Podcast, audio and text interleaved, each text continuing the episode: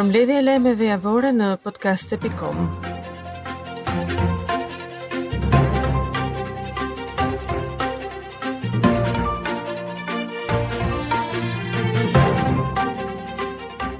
Fondi Monetar Ndërkombëtar ka bërë një deklaratë pas përfundimit të vizitës në vendin tonë. FMN ka bërë paralajmërim në lidhje me ekonominë, e cila sipas tyre kushtëzohet nga një pasiguri e madhe. Në deklaratë thuhet se rritja ekonomike e partnerëve tregtarë më e ngadaltë se sa pritshmëritë mund të ndikojë eksportet dhe rritjen ekonomike në Shqipëri.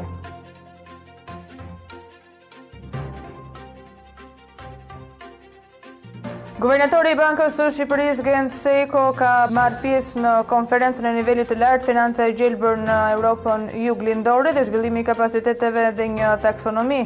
Burim rreziku dhe kosto të mëdha. Sejko tha se ne jemi të vetëdijshëm se ndryshimet klimatike përbëjnë një kërcënim serioz për mirëqenien e njerëzve dhe për shëndetin e planetit tonë. Avokatja e popullit Erinda Ballanca ka prezantuar raportin e institucionit që e drejton për gjendjen e të drejtave të njeriut në Shqipëri gjatë vitit 2022. Ballanca tha se gjatë vitit të kaluar, avokatit të popullit i kanë shkuar 6200 njëqind e gjashtëdhjetë e katër ankesa dhe nga ky institucion janë kryer një mijë e tetëqind e njëzet e gjashtë hetime administrative.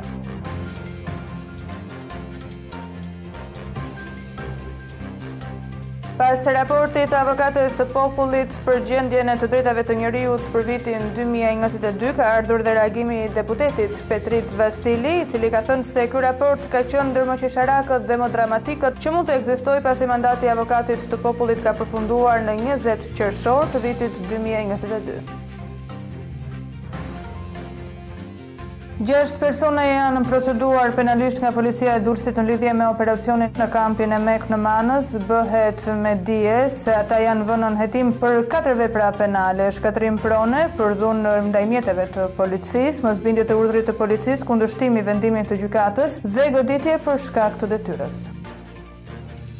Ministri i Brendshëm Bledi Çuçi mohoi kategorikisht që të ketë patur dhunë nga Policia e Shtetit ndaj muxhahedinëve, madje sfidoi edhe Këshillin e Muxhahedinëve në Paris.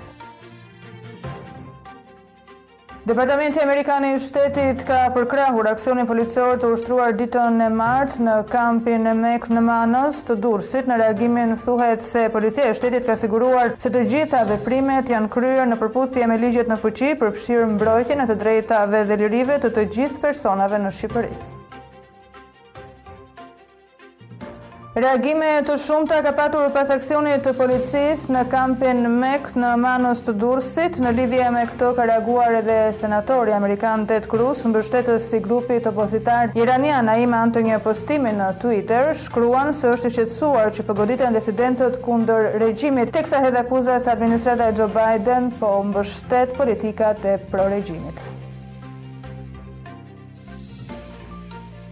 Sali Berisha ka deklaruar se në lidhje me kontrollin e policisë në kampin e MEK nuk mund të merren të mirëqena, të gjitha akuzat e qeverisë së Iranit ndaj MEK, të gjitha këto kërkojnë një hetim ndërkombëtar, veçanërisht nga OKB-ja që i kanë në mbikëqyrje.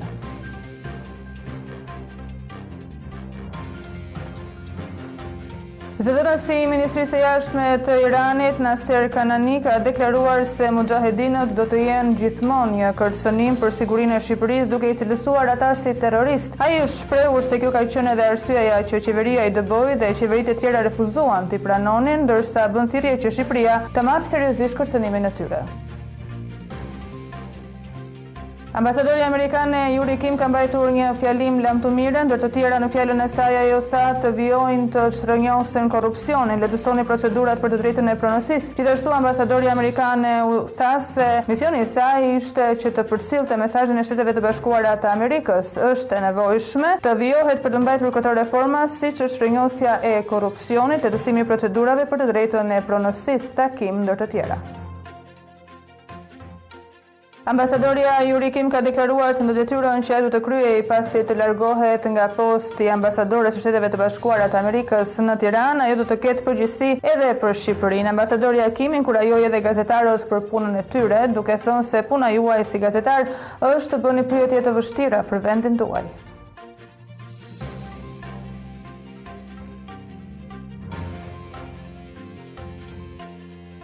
Dy persona janë arrestuar në Vlorë pasi transportonin kundrejt pagesës emigrantë në mënyrë të paligjshme, mësohet se në pranga ka rënë shtetasi Gledi Abazi dhe Eraldo Pushaj, të cilët janë kapur duke transportuar nëntë emigrantë nga vende të treta drejt kufirit, ku janë sekuestruar edhe automjetet.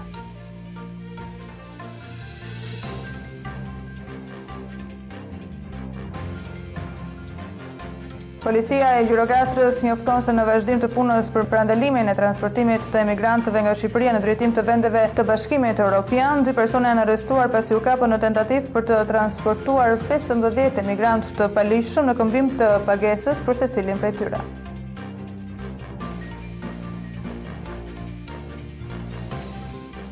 Policia e Shtetit njofton se në qytetin e Korçës ka sekuestruar një sasi kanabisi dhe dy armë gjahu, ndërsa sasia e kanabisit u gjet disa personave në banesa. Pas finalizimit të operacionit policor janë arrestuar tre persona, Donald Lato, Klevis Xhaçellari dhe Luan Qazimi.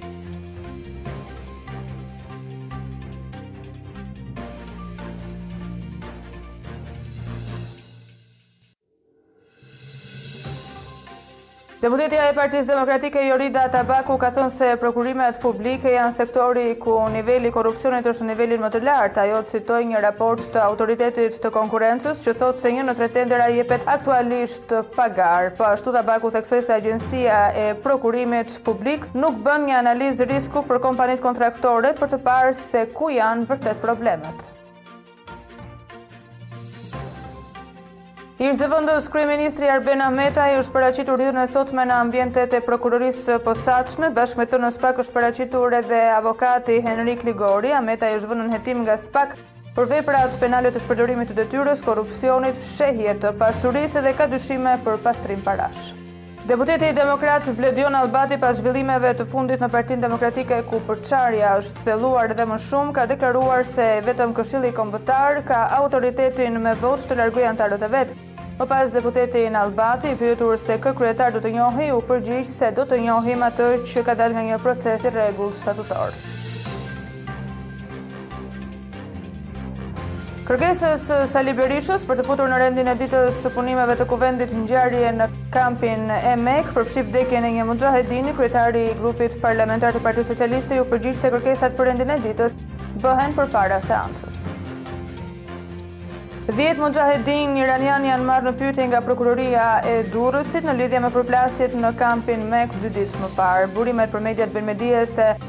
Anëtarët e MEK janë marrë në pyetje në lidhje me akuzat që kanë bërë për policinë, ku pretendojnë se efektivët kanë ushtruar dhunë ndaj tyre. Prokuroria për të faktuar pretendimet e muxhahedinëve për dhunë apo ato që thotë policia se nuk ka patur dhunë, kërkon të shqyrtojë kamerat e sigurisë brenda në kampin e MEK. Për këtë prokuroria duhet t'u bëjë një kërkesë përfaqësuesve të muxhahedinëve për të dhënë pamjet e kamerave të sigurisë. Parandalohet një tjetër rast i tentativës për të kultivuar bimë narkotike, zbulohen tre ambiente të përshtatura për tharjen e bimëve narkotike që pajiseshin me energji të paligjshme elektrike. Burimet zyrtare nga policia bëjnë me dije se janë sekuestruar 208 fara të dyshuara narkotike kanabis të mbjella në kubikë, sasi lënde narkotike kanabis dhe një peshore elektronike. Enkelejd Alibeaj komentoi garën për kryetarin e ri të Partisë Demokratike që sipas tij nuk varet vetëm nga individët. Sfida e zgjedhjes së kryetarit të Partisë Demokratike sipas Alibeajt qëndron tek fakti se sa procesi është transparent, sa hapësirë në mënyrë të njëjtë do t'u jepet secilit prej demokratëve.